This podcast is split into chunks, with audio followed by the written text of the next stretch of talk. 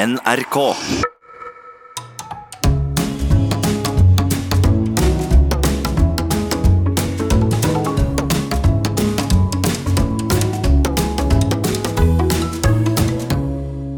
Hjertelig velkommen til Sånn er du her på P2. Jeg heter Harald Eia, og med meg har jeg Nils Brenna. Det stemmer.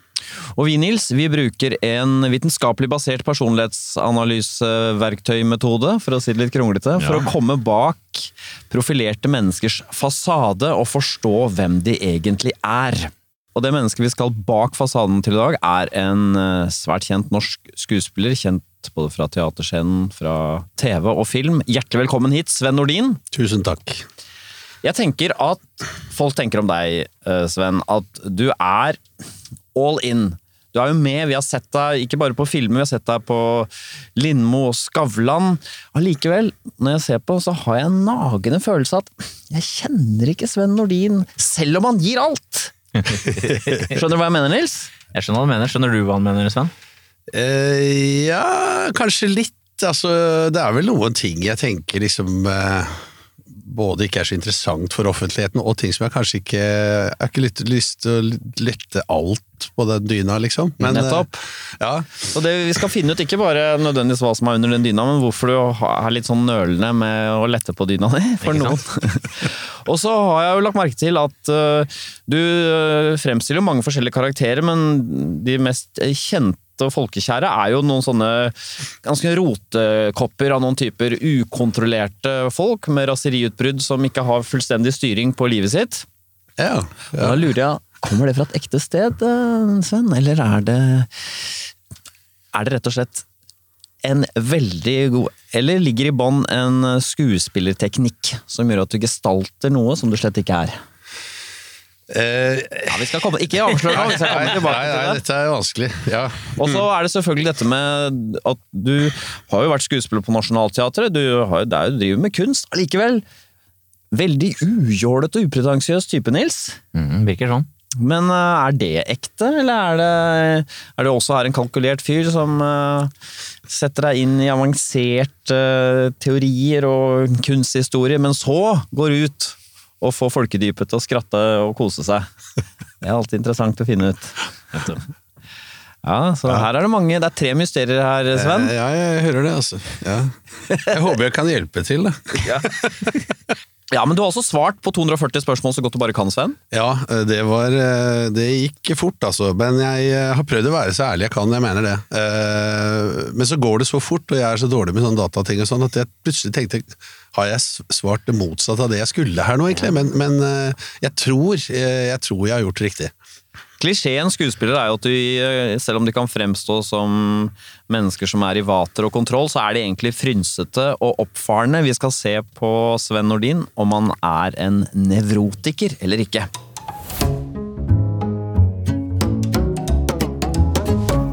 Nevrotisisme det handler om negative følelser. Og vi begynner med en underdimensjon her eh, i vårt system. Det er jo altså da fem hoveddimensjoner, og hver dimensjon har igjen da noen underdimensjoner. Og vi skal se på det som kalles for engstelse. Tilbøyeligheten til å oppleve uro. Skårer man lavt, så blir man ikke så lett så redd og engstelig. og Man er ganske avslappet. Og skårer man høyt, så kan man ikke bare bli litt redd og urolig ofte, man kan også dvele ved det som har skjedd. ikke sant? Spiller det om igjen. Så hva tenker du, er du en engstelig type, Sven? Eh, Jeg vil si liksom både og. Jeg, er jo, jeg har jo absolutt veldig mye sånn eh, angst for eh, Prestasjonsangst er det vel det det heter da. Altså, jeg har ikke så veldig mye angst og, og nerver i mitt eget sånn privatliv, men i mitt profesjonelle sceniske liv så bringer det med seg en del eh, engstelse, det vil jeg si. Mer enn andre skuespillere er det som kollegaer av deg? Eh, Det har jeg egentlig ikke noe særlig grunnlag eller belegg for å si, men jeg, altså, jeg tror kanskje jeg ligger i øvre grense der. Altså at det koster meg mye. At eh, Og mitt våpen er at jeg tenker at eh, jeg må være veldig godt forberedt for å kunne kontrollere den angsten min. Interessant, ja. Skal vi slå fast først at det er et eh, tydelig høyt tall? Du har fått et tydelig høyt tall. Jeg minner om scoren 50, da er det helt på gjennomsnitt. Og det normale området går sånn opp til sånn litt under 60. 60 er tydelig. Du har fått tallet 66, som er sånn sett ganske høyt, da. Ja, Cirka ja. 5 faktisk. Men det er jo interessant, det er ikke en sånn type angst som en del andre kanskje har? Du er ikke redd for liksom at verden skal rase sammen og eh, bekymrer deg for jordkloden og Trump og masse sånne ting, eller? Eh, Nei, ikke nevneverdig. Eh, Jeg tror nok at den angsten min relaterer seg veldig mye til det jeg skal utføre, gjøre profesjonelt, liksom. Kan, hvordan kan det arte seg, da? Ja, Det kan arte seg i eh, særlig dette redselen for å bli syk. Altså at jeg får sånn nerver i forhold til at jeg ikke skal kunne levere det jeg eh, er betalt for og skal gjøre i, eh, i teatret eller på film- og TV-arenaene. Hva er marerittet ditt? At du skal ha premiere i morgen, og så kjenner du halsondet kommer, stemmen svikter. Ja, og det har skjedd ved et par anledninger, så jeg har faktisk måttet avlyse to store hovedroller hvor jeg har spilt hovedrollen selv, og det har, det har blitt avlysning, liksom. Og det er sånne ting som Det kan skje, du vet at det kan skje. Ja, og så da har jeg søkt litt hjelp fra profesjonelle som sier at ja, men eh, det er, er jo ikke maskiner, dere er jo mennesker, så det kan jo skje, liksom. Og hva, hva skjer, hva er det galt som kan skje da, hvis det blir en avlysning? Ja. Eh, Det er jo sånn at man kan ta seg en tredagers i et vanlig yrkesliv og gå til legen og si at jeg føler meg ikke helt bra. Ja. Eh, Så jeg, jeg hauser nok opp det der scenarioet at dette er katastrofe, eh, mer enn eh, normalt, kanskje. Altså, Hva er det du er bekymret for? At folk skal tape penger? At folk skal bli skuffet? eller? Ja, skuff, at folk skal bli skuffet. At, jeg, altså at folk har tatt den lange veien til teatret for å se en forestilling. Der sitter det altså en sal full av mennesker som vil ha en kunstopplevelse, og så kommer ikke Nordin på scenen. Han må rett og slett hive inn håndkle, og det, det merker jeg. Det er sånn som preger meg redselen for det. Og eh, jeg har opplevd det mange ganger. Skuespillere presser seg jo ofte veldig, da. Eh, Sånn at jeg har vært på turné med Riksteatret hvor folk reiser kanskje to og en halv time én vei for å se meg spille en forestilling, og så skal de reise to og en halv time hjem igjen. Og når de da kommer til Stokkeverktøy, så står det 'beklager, avlyst'. og det er sånn som jeg kan ligge våken om natta og tenke at det, det må ikke skje, Ja, altså. Du kan ligge våken om natta, rett og slett. Ja, veldig. Hvordan merker du det? Kan, kan kona di merke det at du blir Ja, urolig og sånn? ja. Hvordan merker, hva er det hun Nei, det er jo svette og opp og på do og Ja, og, ja. Eh, og jeg tror jeg har det til felles med ganske mange andre av mine kolleger, at akkurat det der avlysningsspøkelset, det er liksom det verste du kan utsette folk for i eh, teatret. Da det først skjedde de to gangene, da, Mm. hvor ille var det for deg? Nei, det viste seg jo at det var jo ikke ille i det hele tatt. Eh, Markus Grøde, som jeg da spilte i Isak Seldar, noe svær eh, forestilling på Nationaltheatret, der fikk jeg så mye scenerøyk inn i ansiktet og var i utgangspunktet ganske dårlig. Og det som skjedde var at jeg fikk masse sympatierklæringer fra alle mine kollegaer, at bare ligg og slapp av, Sven, dette er ikke noe farlig, vi tar den premieren om en uke, det er helt fantastisk det du gjør, og jeg fikk masse skryt og masse hyggelige SMS-er fra kollegaene mine, så det viste seg at det var ikke noe det var ikke noe katastrofe. Men ikke noe- likevel så får du det, har du det sånn at du syns det er fælt å tenke på etterpå? Eh, ja, eh, jeg gjør det, altså. Nei, men dette var, eh, dette var eh, for meg to ganske, ganske sånne dramatiske opplevelser, altså. Ja. Og, og jeg vil liksom ikke at det skal skje igjen. Jeg tenker at to ganger får være nok. Men ok, Så det er denne engstelsen eh, det handler først og fremst om Du er ikke redd for å dø, for eksempel. Du tenker ikke mye på sånn Dine nærmeste har sånne fantasier om alt galt som kan skje med dem. Eh, hvis jeg har eh, i, ikke så veldig mye i forhold til meg selv, men jeg har det veldig mye i forhold til barnebarna mine, og sånt, at det ikke skal skje noe galt på min vakt, at de skal Ja. slå seg i hjel, og at de skal bli syke. Og, Hvordan blir du da med barnebarna når du har Nei, da blir jeg overforsiktig. Jeg er jo Jeg, jeg karakteriseres jo som katastrofetenker i, i familien Stravordin. Ja, det gjør det, ja. ja, ja, Og Hva er det type ting du ser for deg kommer til å skje da med barnebarna? Nei, det er jo, de er jo utrolig fysiske. De bor på Geilo og har to foreldre som er klin gærne. Hvor gamle er disse barna? Eh, Birk blir fem nå, og minstemann han er to og et halvt. Uh, og begge foreldrene Datteren min har jo vært sportssjef på NTG på Geilo på snowboard, så hun har liksom kastet seg ned for de bratteste stup i alle år. Og så er jo da kjæresten hennes det samme. Han er sånn frikjører og hopper ned fra oh, fjell. Og, og alt sånn, sånn at disse barna er jo veldig oppdratt til å være fysiske. Så nå i i jula hvor vi var oppe på besøk, så har de fått turdringer. Ja. Og jeg var den første som sa at her må det en matte under her, for her, jeg ser for meg et sånt eh, et brudd i nakken og rullestol og lam. Ja, for alt det kommer, alt dette Alt det kommer da når jeg ser de bildene for meg, liksom. Så det kjøpte da Toril, kona mi og jeg, mest på grunn av min engstelse, kjøpte en sånn matte da, som nå ligger under ringene når de turner. Og det hjelper litt. Ta bort litt av moroa med å være oppe i turnringene, at det er en sånn matte under. Ja da, jeg tror den er, den er ikke der heller når jeg ikke er til stede. Det er for bestefar, ja. Så eh, en litt engstelig type vi har med å gjøre her, Nils. Er det andre nevrotiske trekk som Sven Nordin har? Altså I sum på nevrotisisme så er du faktisk helt på snitt. Så det er ikke, du kan ikke sies å være nevrotiker til tross for dette engstelsesnivået. Nei. Du er da høy på engstelse, som jeg snakka om. Så er du på snitt eh, på det som heter fiendtlighet. Eh, Det vil si det er gjennomsnittlig mye grums i deg, kan vi si. Så har du gjennomsnittlig score på det som heter depresjon, som fanger sånn tungsinn og nedstemthet. Der er- er du som en vanlig mann. Og så er du litt høy eh, på det som heter sårbarhet for stress, eh, som du kanskje har vært inne på tidligere, at du kan bli litt stressa av enkelte ting. Ja. Har det, er det knytta til teater og sånne ting? eller? Det er også veldig knytta til teater. Ikke sant? Var det det. ja, ja, Mm. ja. Og så har du lav, du har en, en lav score, og det er det som heter selvbevissthet, som handler om sjenanse og sosial angst. Du har ikke noe særlig sosial angst. Nei, det har jeg ikke, tror jeg. Vi skal se på din score, Sven, på trekket ekstroversjon. Ekstroversjon det handler jo om hvor mye glede og kick man får av den ytre verden, men også hvor mye man gir tilbake. Man merker fort at det er et ekstrovert menneske i rommet. Eh, Det er sikkert mange skuespillerkollegaer av deg som tar mye plass. Og vi begynner med en sånn underdimensjon eh, som heter varme, og det handler om hvor mye energi man investerer i nære relasjoner gjennom sånn vennlighet og hensyn. Og så scorer man eh, lavt, så er man ikke så opptatt av å gå inn i sånne personer, relasjoner kjapt, men scorer man høyt, så er man veldig til stede og kjærlig og får andre til å føle seg verdifulle. Det er en sånn inkluderingskraft liksom, som noen liksom, bruker og har. Harald for eksempel, er ganske lav her, bare for å bruke et eksempel. På en som eh, kan være blid og grei, også, men er ikke direkte en som drar deg inn til seg. Nei. Hva tenker du om deg selv? Nei, jeg tror det er helt riktig for min del òg. Altså, jeg, eh, jeg er ikke den som eh, er magnetisk i sånne sosiale settinger som folk liksom flokker seg til. Nei, det er, tenker- det er ganske bra ord å bruke. jeg. Eh, Nei, absolutt ikke. Altså. Jeg trives veldig godt i mitt eget selskap, for å si det sånn. Ja, jeg kan bare si at dette du sier nå stemmer, fordi du har fått et ganske lavt tall. Tallet er 34, det vil si sånn ca. 5% laveste. Så du er litt reservert Ja. og distansert, da, kan Ja, man si. ja, ja. Har du fått høre det noen gang, at du er eh, reservert? Eh, ja, det, det jeg får vel Altså, jeg lever jo sammen med en kone som er utrolig utadvendt og, og, og veldig flink til å ta vare på nettverket sitt. Og hun pleier å si til meg hadde ikke du levd sammen med meg, så hadde ikke du hatt en eneste venn. Altså, fordi at jeg er jo jævlig dårlig på å ta telefonen og ringe folk og ønske god jul og godt nyttår. Altså, jeg, jeg, jeg, er, ikke veldig, jeg er ikke veldig flink, men jeg, men jeg, jeg unnskylder meg litt med at jeg har en partner som er veldig, veldig flink. Men hun sier at hvis jeg forsvinner før deg, så har du trøbbel. Du kommer til å ende opp som en litt ensom mann. Ja, men det er ikke sikkert at det er det problemet for deg.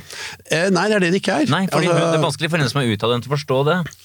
Ja, altså vi er veldig forskjellige på det, men jeg, jeg føler når når jeg trengs, altså når jeg, jeg, jeg kan ta et eksempel med broren min, som eh, vi bor, altså broren min og søsteren min, jeg bor jo i samme by, vi bor sånn ja, ti minutter fra hverandre liksom, i avstand.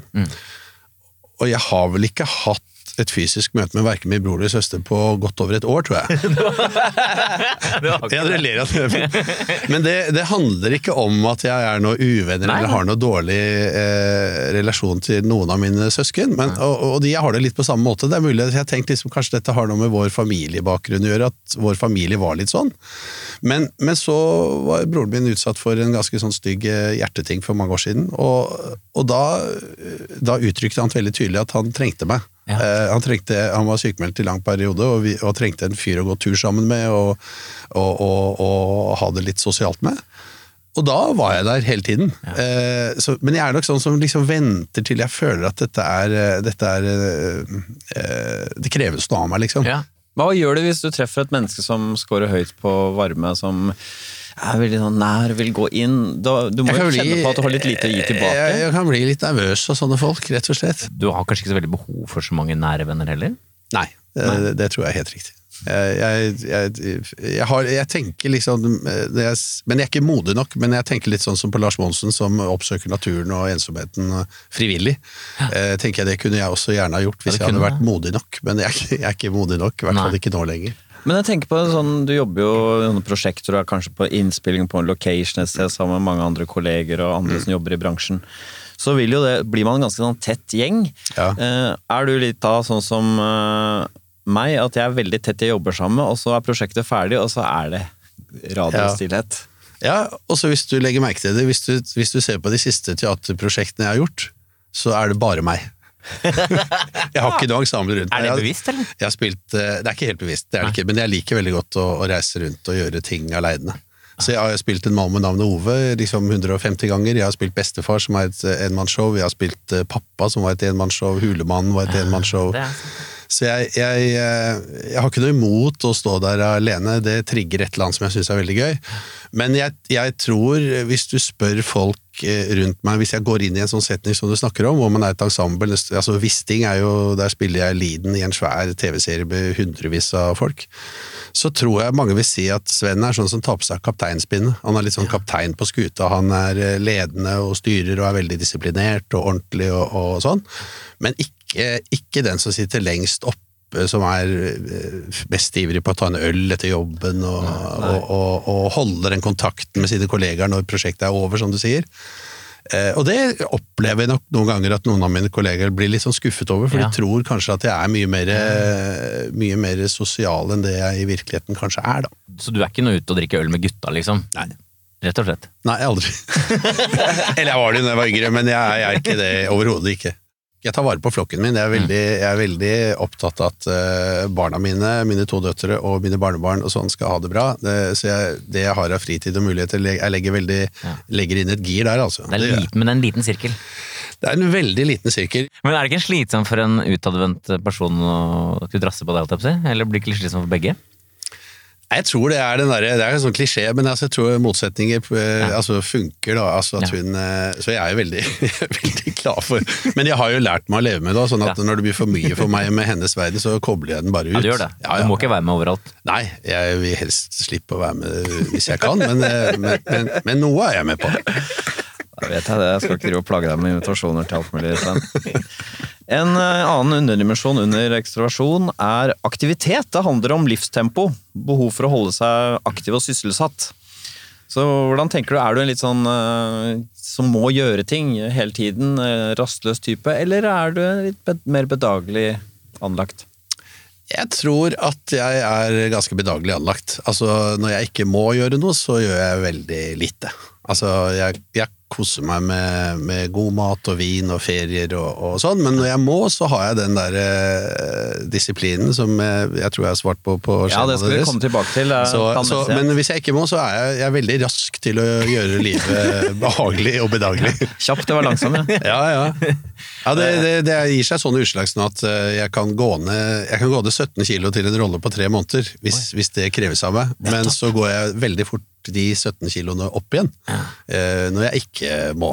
Ja, nettopp. ja. Det er interessant, det er to krefter der, ja. Det skal, si- jeg skal bare bekrefte at du har fått et uh, lavt tall her, 35, så igjen uh, blant sånn 5 laveste. Og det betyr jo egentlig bare som du har evnen til å slappe av, da, for å si det på en annen måte. Ja. ja, men det har jeg til de grader. Hvordan, hvor, hvor mye kan du slappe av? Hva, hva ser vi for oss da hvis en fyr som deg slapper av? Hva gjør du da? Da leser jeg ofte. Ja. Uh, ser mye på TV. Uh, ser serier. eh, eh, holder meg hjemme. eh, lager god mat. Ja. eh, drikker vin. Altså gjør sosialt hyggelige ting. Men er du også treig på kjøkkenet når du holder på? Ja, jeg må ha veldig god tid på alt jeg foretar meg. Jeg, Har du fått høre men det har noe med alt Ja, veldig, veldig ofte. Jeg har fått høre at jeg kan være veldig treg. Så om, om morgenen så bruker jeg fryktelig lang Jeg står opp i tre deler.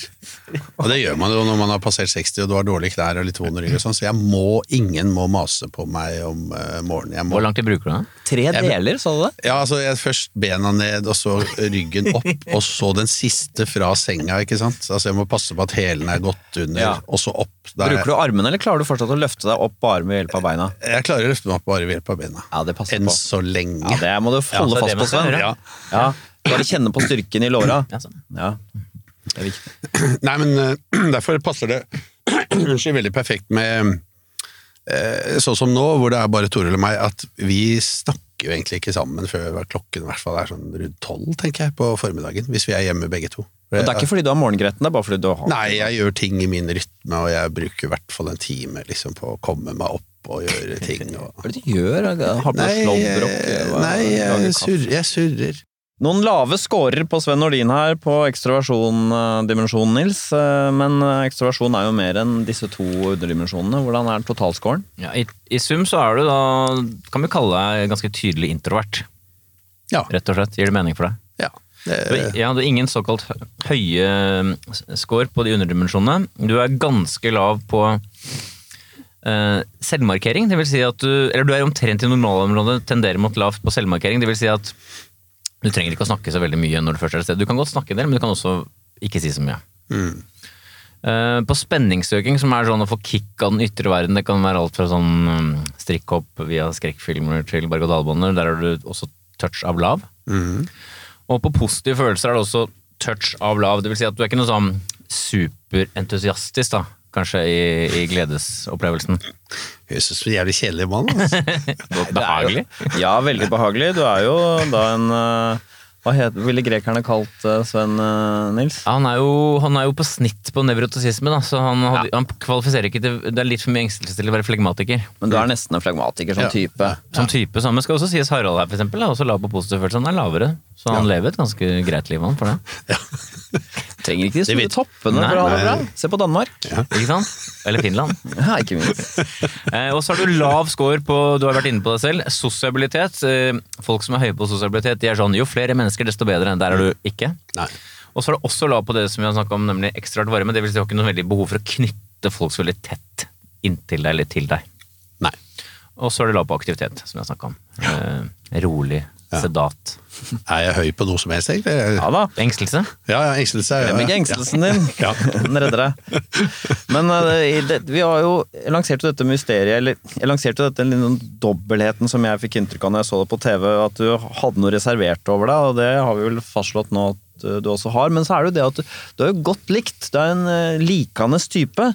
Og de som er det, pleier å ha høy score på neste trekk. Vi skal se på Sven Nordins score på medmenneskelighet. Medmenneskelighet, eller medgjørlighet, som du vet jeg er blitt veldig glad i, Nils. Jeg vet det. Og så er det noe som sier omgjengelighet, så det er flere muligheter der. handler om at eh, om sosiale relasjoner glir greit, eller om det ofte er sånn at det oppstår friksjon. Og Vi begynner med denne underdimensjonen som heter føyelighet.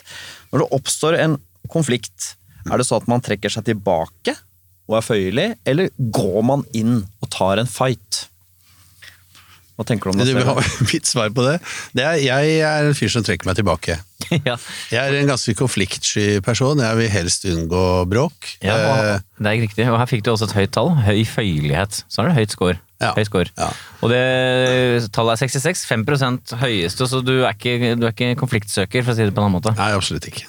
Altså, Jeg kunne aldri blitt en sånn fagforeningsleder eller sånn som står i fighten og kjemper for andres ve og vel og sånne ting. Så det, det, det ser jeg ikke for meg. Hvordan ville det vært for deg? Går det an å tenke seg det, eller? Nei, Jeg tror jeg ville vært en utrolig sånn eh, litt sky og, og, og, og dårlig mann å sende i krigen, altså når det gjelder sånne ting. Kommer ut av forhandlingsrommet og Ja, møter dine ja. medlemmer, og Ja, ja. Hva klarte du å kjempe deg til? vi, vi, vi, vi tok det første beste tilbudet som kom. Det, det er ikke noe mer å hente her, folkens. Gå tilbake til pulten deres og begynn å jobbe. Jeg er nok føyelig, ja. Altså, vi, vi, det var et ganske morsomt greie, fordi at uh, min gode venn og kollega Pål Sverre Hagen Vi gjorde jo en serie for NRK som het Valkyrien for Mm. Ja, noen år siden. ja. Hvor han spilte liksom sidekicken min og, og sånn.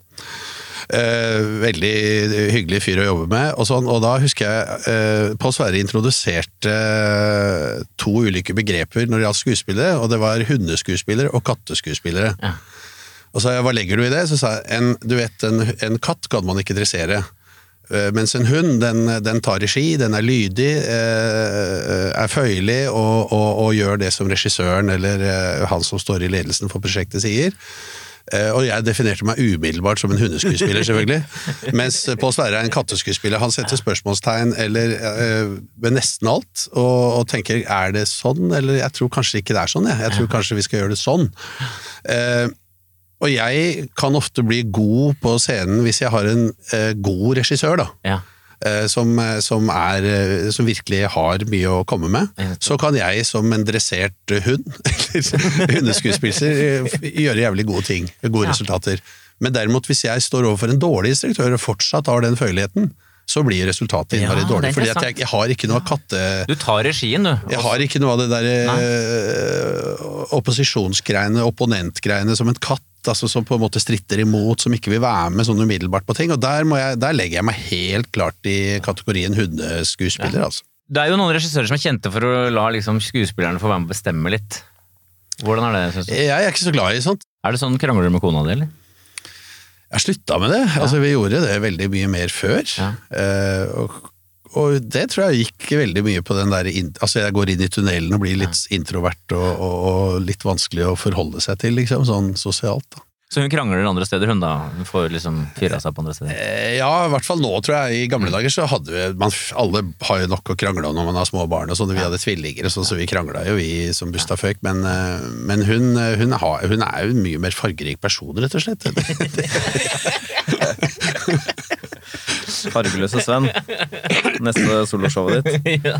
Så er det det kanskje det mest øh, iøynefallende medmenneskelige trekket, det folk tenker kjappest på når de hører om folk er medmenneskelige eller ikke, nemlig empati. Eller følsomhet. Hvor mye sympati og medfølelse man har med andre mennesker.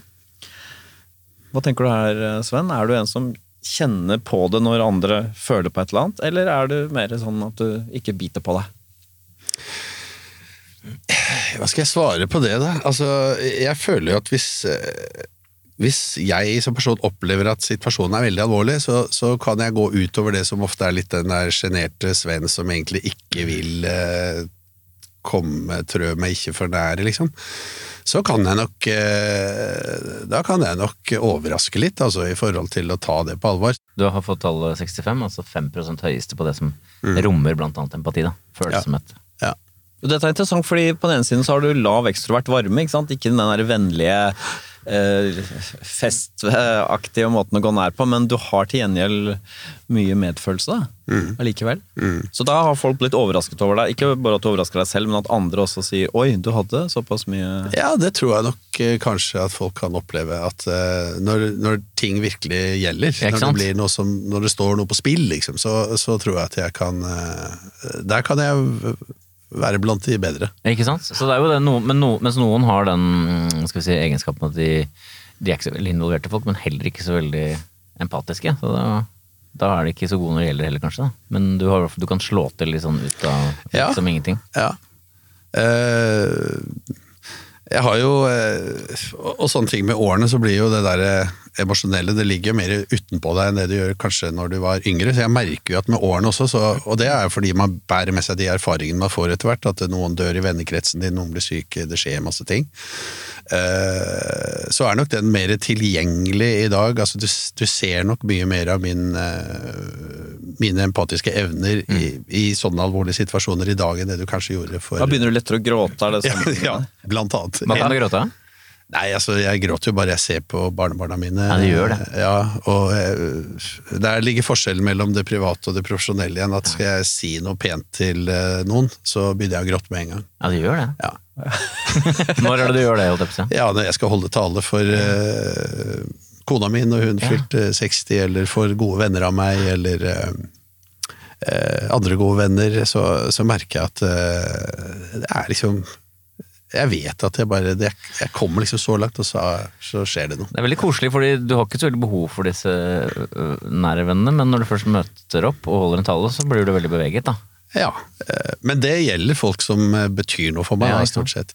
Så dette er jo i min eh, bok, og i mange andres bok også, jeg, at et menneske som først virker litt reservert, men så viser seg masse innlevelse, det fins ikke noe bedre enn det. Det er en herlig reise. Ja, Det er jo mye bedre enn det motsatte, som er det verste. og Den er veldig, veldig vennlig imøtekommende, og så viser det at når det gjelder, så er det ikke så mye der. Nei takk. Så dette er liksom en sånn, i min bok i hvert fall, en perfekte mannen, egentlig. Sant? Som når det, når det drar seg til. Ja. Så det høres ut som vi har med et menneske å gjøre her, eh, Nils, som er ganske medmenneskelig. Det er helt riktig, og det er ikke bare ganske medmenneskelig, men meget medmenneskelig. Tallet er 65 på faktoren medmenneskelighet, altså 5 høyeste. Høy eh, føyelighet, eh, høy på empati, også høy på beskjedenhet. Det vil si at vi snakka om det i stad, at du er, du er ikke sjenert. Du er ikke redd for å liksom være blant folk og få blikk rettet mot deg, men, men du er samtidig som du er usjenert, så er du beskjeden. Og beskjeden handler om at du er ikke noe selvgod og selvopptatt type, da, oppi alt. Usjenert, men beskjeden. Ja. Og så har du det mm, trekket som Harald og jeg har snakka om noen ganger før, som er vi har, vi har spurt hvorfor hvorfor er dette et eh, medmenneskelig trekk. Det å være høy på rett fremhet, det vil si at du sier ting rett ut. Det kan jo virke litt sånn nådeløst, men poenget her er at da, da vet man hvor man har vedkommende. Det er ikke noe sleiping som er høy på rett fremhet. Så du har høy rett fremhet, altså du er ikke noe sleip type. Du er ikke noen renkespiller og driver og er taktisk og sånne ting. Nei. Jeg er dårlig på det. Ikke sant? Det er jo bra det, da. Sikkert for mange. Og så er du ganske tillitsfull, rett og slett. Så du har bare varianter av høye scorer på det som heter medmenneskelighet. Så det er jo når folk eh, liker Sven Nordin, Nils, så er det fordi de plukker opp dette her sikkert, da. Blant annet. Åpenbart en ganske grei fyr. Men så er det dette andre mysteriet da, som jeg lanserte, nemlig hvordan går det an å være så ujålete og upretensiøs, folkelig, og samtidig drive med stor kunst på Nationaltheatret? Vi skal se på Sven Nordins score på åpenhet for erfaringer.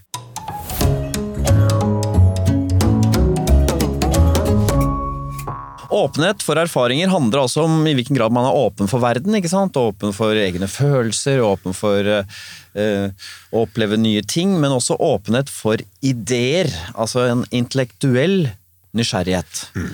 Er man glad i abstrakte ideer, eller syns man det blir fort svevende og er mer jordnær av seg?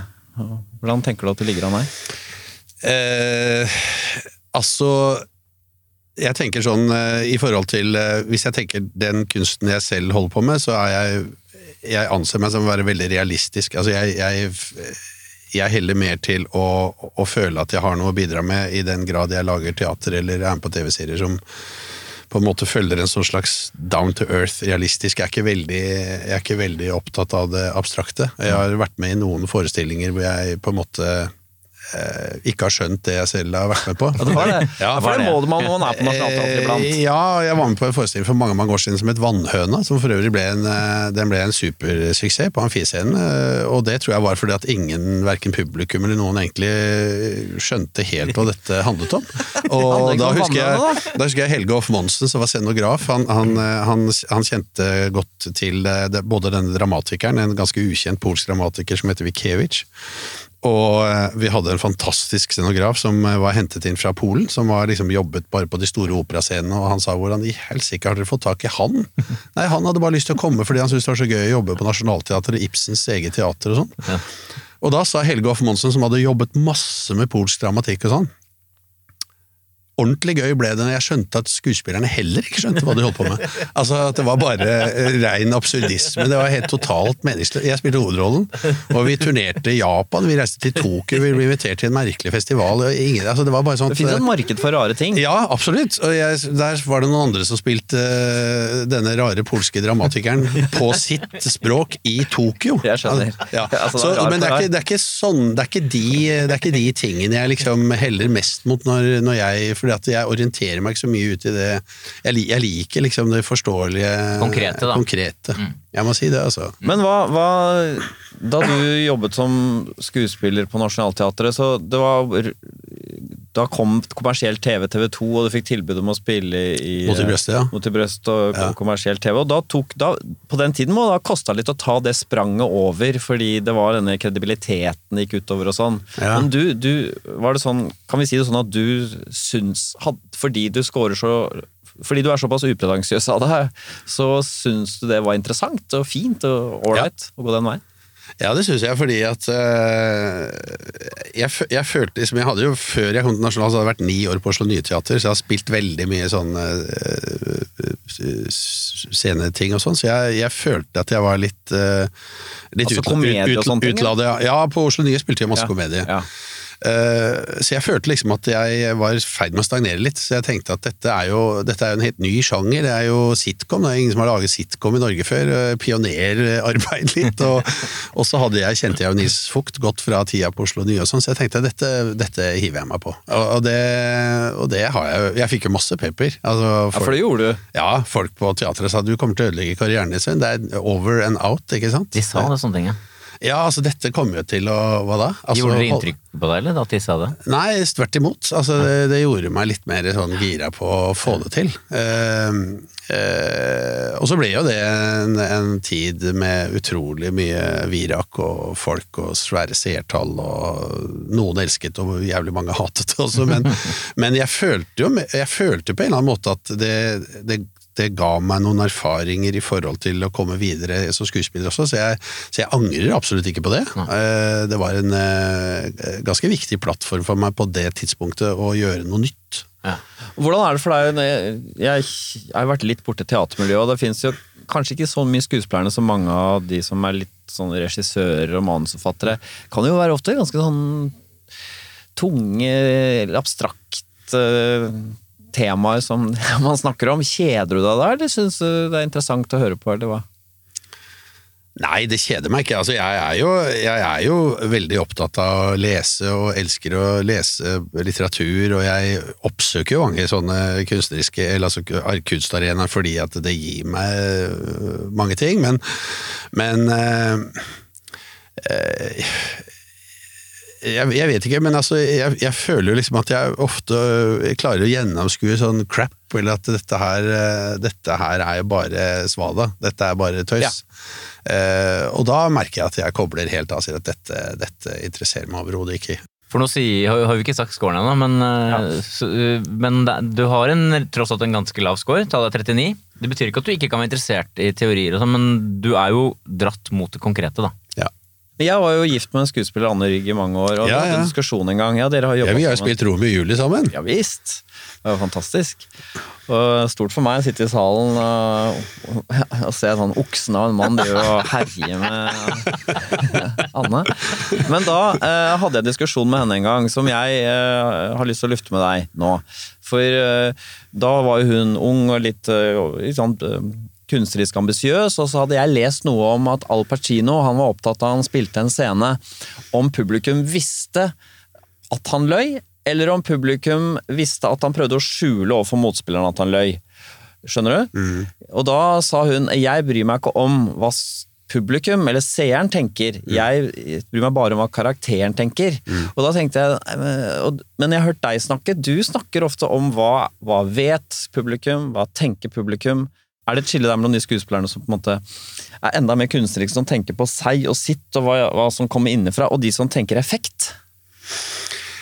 Altså jeg opplever at det der har veldig mye hva slags eller hva slags ty altså Er det med sånn som i Wisting, ikke sant? Eh, hvor eh, karakterene er De har ikke veldig tung psykologi, noen av dem. Altså Det er veldig plottbasert. Eh, der mener jeg at eh, der er der mener jeg at man bevisst skal være med på en måte å lure seeren til å tro at det er morderen, at det sporet er det riktige sporet, så er det det sporet. Altså, ja, selv om karakteren egentlig kanskje ikke ja, ja, så tenker jeg at det er liksom noe av greia. Ved å, uh, det, er, det, er, bonusen for en seer som skal se en klassisk krim. da. Mens hvis du spiller et tungt psykologisk drama, så mener jeg helt som Anne at uh, hvis jeg må på en måte ha den, den, følelsen, det må stemme for meg, det må være autentisk, det må være ekte, det må komme et eller annet sted fra. Og da blåser jeg litt i hvordan publikum der ute vurderer det som skjer på scenen. For jeg tenker at uh, da må jeg være ærlig mot meg selv. Liksom, og, det, og det er det sanne, på en måte? Da. Så om de får tak i det sanne eller ikke, det er en annen sak? Eh, jeg håper jo, jeg mener jo at hvis man gjør det riktig, hvis man gjør det ekte, sant og autentisk, så får de det med seg. Ja. Det var et veldig nyansert og godt svar. Det var litt leit at den gamle diskusjonen der det vises å ha et enda mer nyansert svar, som på en måte, hvor begge hadde rett. Ja. Ja det var veldig artig. Det var et uh, todelt svar. Så uh, vi har jo vært opptatt av dette ujålete ved Sven. Uh, og hva er scoren ellers på denne åpenhet for erfaringer? Eh, I sum på åpenhet så er du sånn cirka på snitt. Mm. Du er da lav på det som heter eh, åpenhet for ideer, som handler om abstrakte ting og sånn. Så er du også ganske glad på fantasi. Det er jo litt artig. Man tenker kanskje at folk som er skuespillere er veldig sånn fantasidrevet og er litt sånn vill fantasi, da. Ja. Det er ikke noen sånn dagdrømmer-type akkurat da, kanskje? Nei. Ikke så glad i nonsens og Nei, altså jeg er veldig altså, jeg, er, jeg, er, jeg, er, ikke sånn veldig Jeg er ikke, jeg er ikke så veldig fantasifull. Det foregår ikke noe hvis du ikke leser, liksom? Hvis du bare sitter, hvis du bare sitter rett opp og ned, hva foregår da? Nei, jeg sitter bare aldri rett opp på det. Altså, jeg, enten så ser jeg på noe, eller leser jeg noe, eller sånn. Så jeg, jeg har ikke sånne så du... Derfor kan jeg aldri lese jeg, jeg, jeg, Det er så fantastisk med folk som skriver og så, som klarer altså, Men jeg Jeg har ikke det Jeg har ikke det registeret, altså, rett og slett. så jeg er en veldig lite fantasifull eh, skuespiller. Så du hørte at du skulle være med i stykket Vannhøna? Det var ikke sånn at du så for deg en høne under vann med sånne store vinger som Nei, jeg tror, jeg, jeg tror egentlig da også bare føyeligheten min som gjorde at jeg gjorde det den gærne instruktør sa at jeg skulle gjøre. Jeg tenkte at det er jo helt meningsløst, men jeg gjør det jo, da. Og, og så blei det bra. Så, så øh, så jeg tenker sånn, for, for eksempel, du, Dere som driver med teatersport og sånn, det er jo ting som jeg er helt livredd for. Altså Bare gå inn og få en oppgave som du skal mime, eller altså bare ta tak, bruke fantasien din på liksom bruke kroppsspråket ditt på Og det er mange som ber meg om og Kan ikke du Du må jo kunne holde foredrag, du som har så lang erfaring, og, og, og spille ut noen av karakterene du har gjort, og Ja. jeg får helt Nei. eh, Nei, nei, nei. nei, nei, Ja, litt på spark. og Ja, nei, overhodet ikke. Ja, og så er du da på gjennomsnitt eh, på det som heter åpenhet for handlinger. Det vil si at du verken er spesielt variasjonsorientert, men heller ikke rutineorientert. Du er midt på treet. Ja. Og så er du da touch av høy, som heter, på mm, estetikk, tross alt. Kunst og kultur. Der er du litt høy. Ikke veldig høy, som kanskje en del andre skuespillere. Du er litt lavere sikkert enn snittet av skuespillere, muligens. Og så er du også litt høy, men ikke veldig på følelser, så du har jo tilgang på en del følelser, tross alt, da. Selv om du er litt reservert.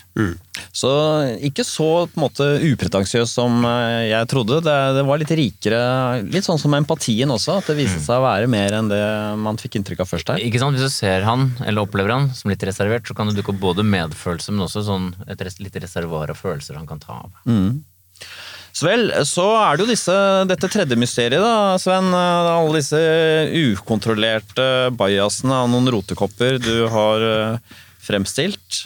Er det bedrag, eller er det fra et ekte sted? Vi skal se på Sven Nordins score på planmessighet.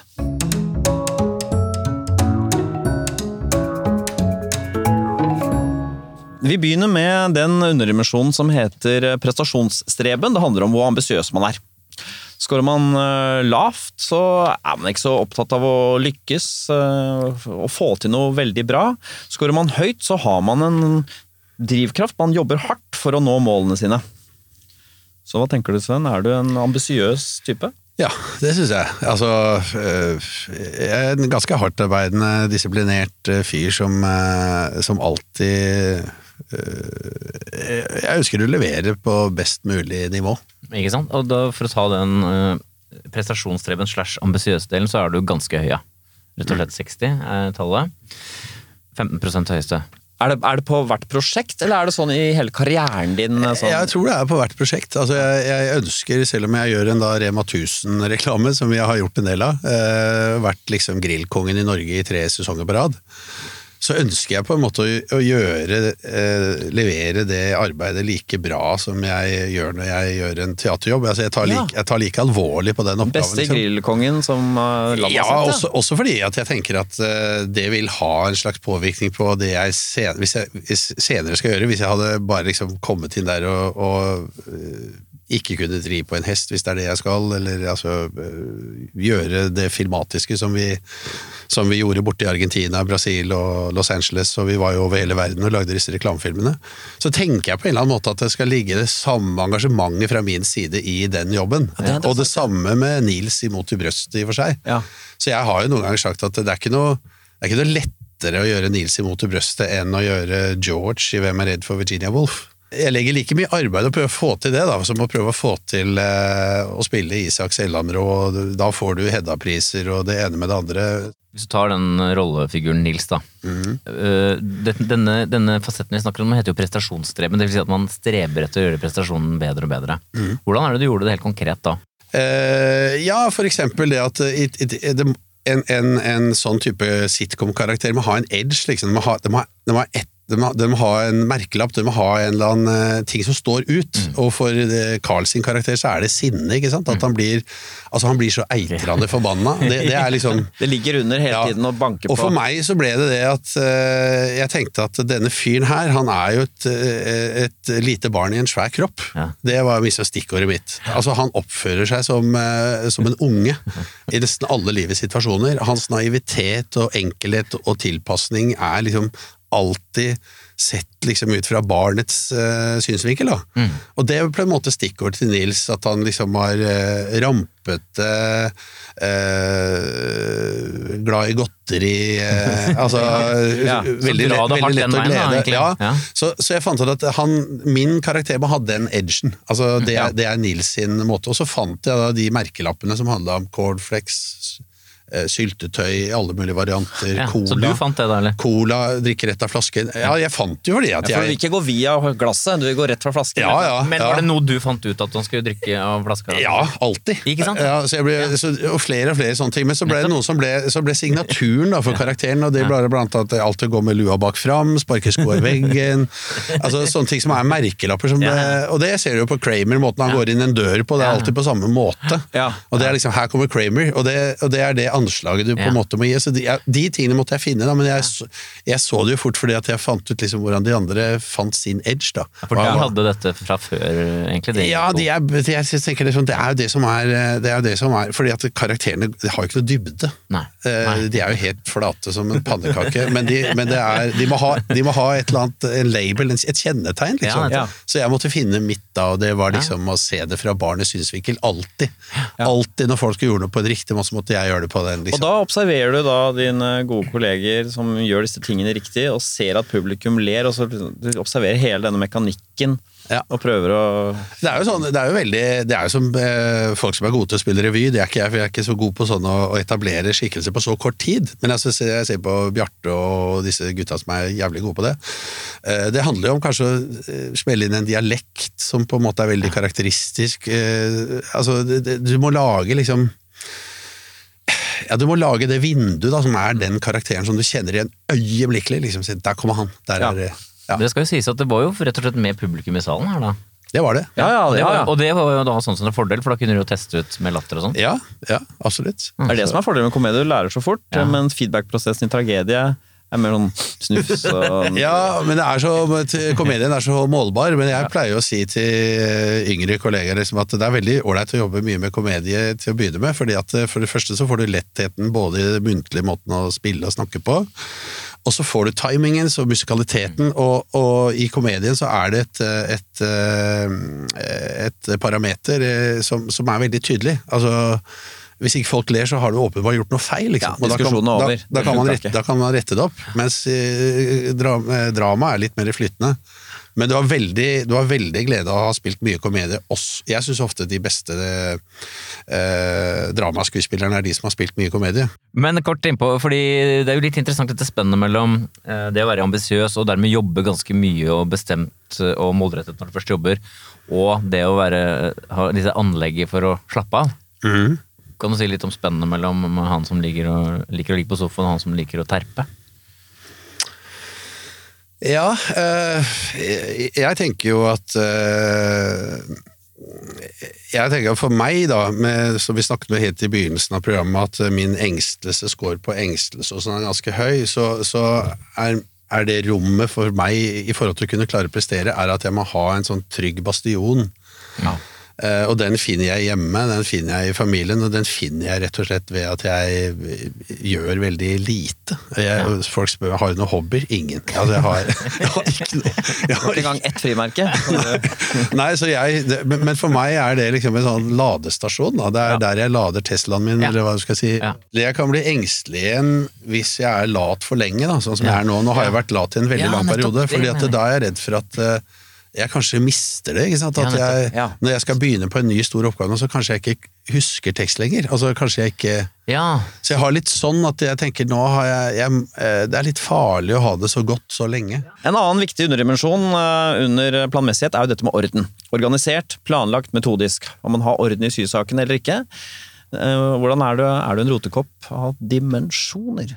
Jeg er nesten sånn eh, ordentlig til det sykelige iblant. Altså, det har vært litt problem for meg, faktisk. det har det, ja. Vel, Ja. Da kan jeg si to ting. Fordi én, du har kjempehøy score. Du har nesten maksscore her. 78 godt innenfor 1% høyeste. Og så eh, er det også sånn at, eh, som det står i vårt pensum, Harald, at i, i tilfelle det er behov for orden er overdreven, kan det skape problemer i mellommenneskelige relasjoner. Mm. slutt. Ja, men det kan det innimellom. Fordi du er mer ryddig enn de du er sammen med? Jeg er irriterende ryddig, ikke sant. Altså, hvis det ligger et eple og slenger, som eh, Toril eller noen andre har begynt på, så, når vedkommende, så rydder jeg det bort. Ja. Eh, jeg setter inn kaffekoppen før folk har drukket kaffen sin ferdig. altså, jeg, eh, Du er her bare for å rydde, egentlig. Ja. Ja, det, og det, det handler jo om mitt eget stress. Altså det, Ja, for altså du det, jeg, tenker jeg, har at det er nevrotisk, du nesten. jeg har forsøkt å analysere det litt, da, fordi det har fulgt meg gjennom så mange år.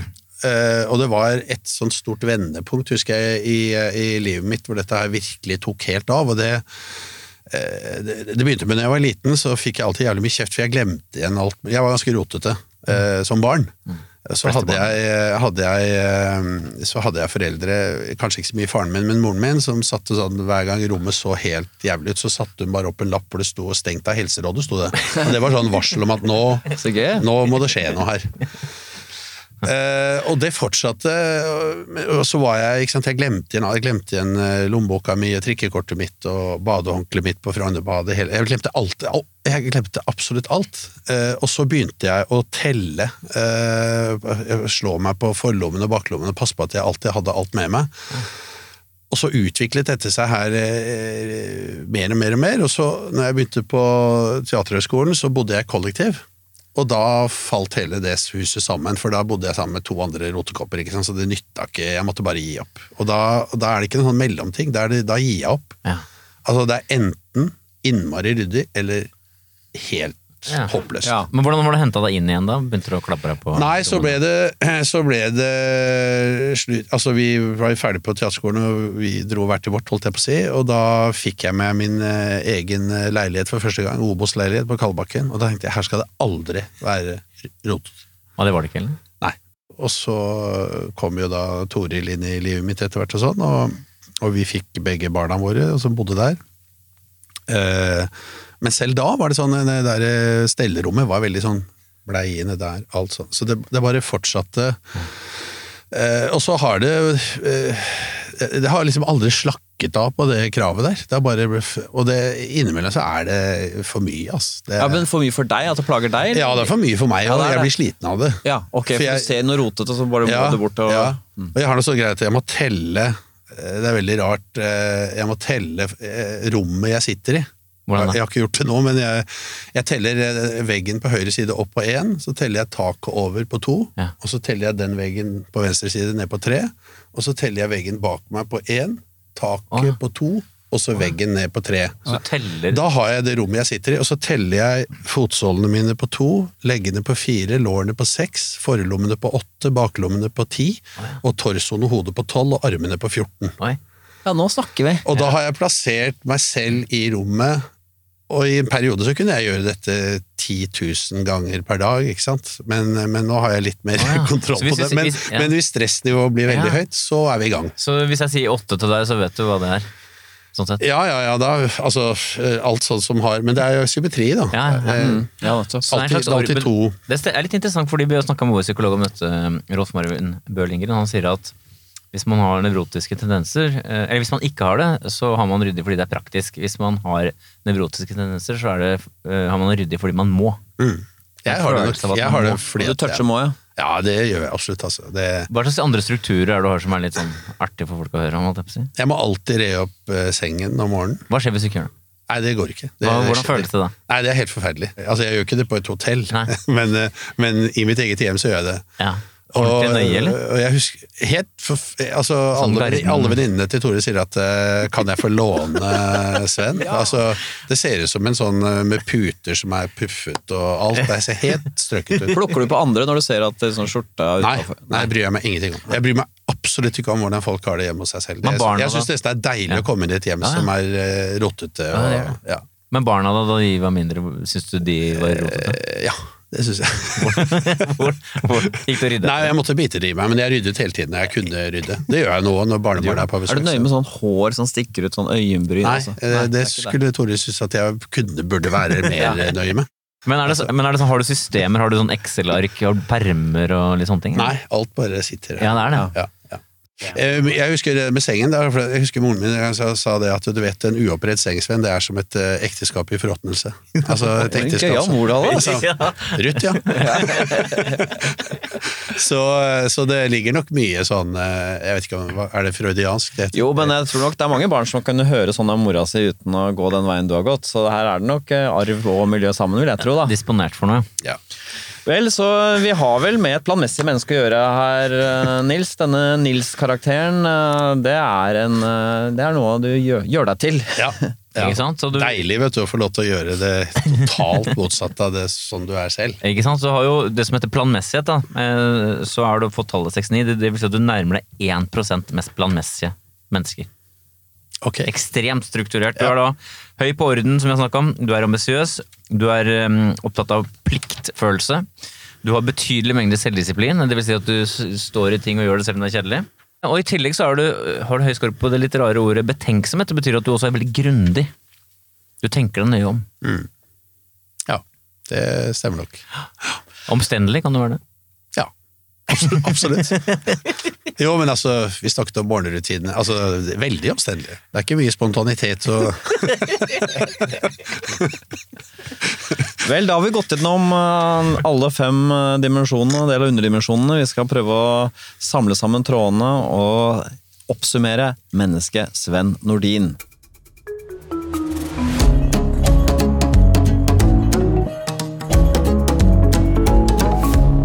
Sven, vi startet jo ut med disse mysteriene. ikke sant? Det at du har noe reservert over deg.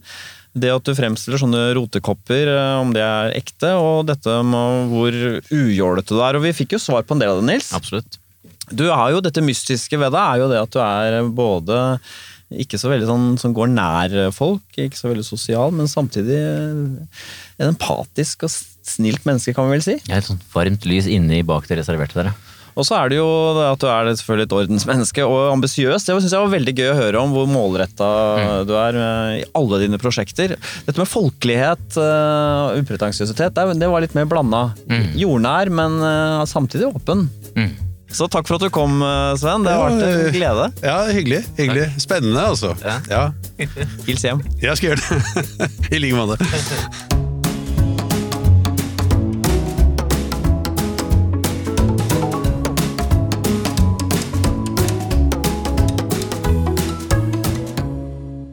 NRK.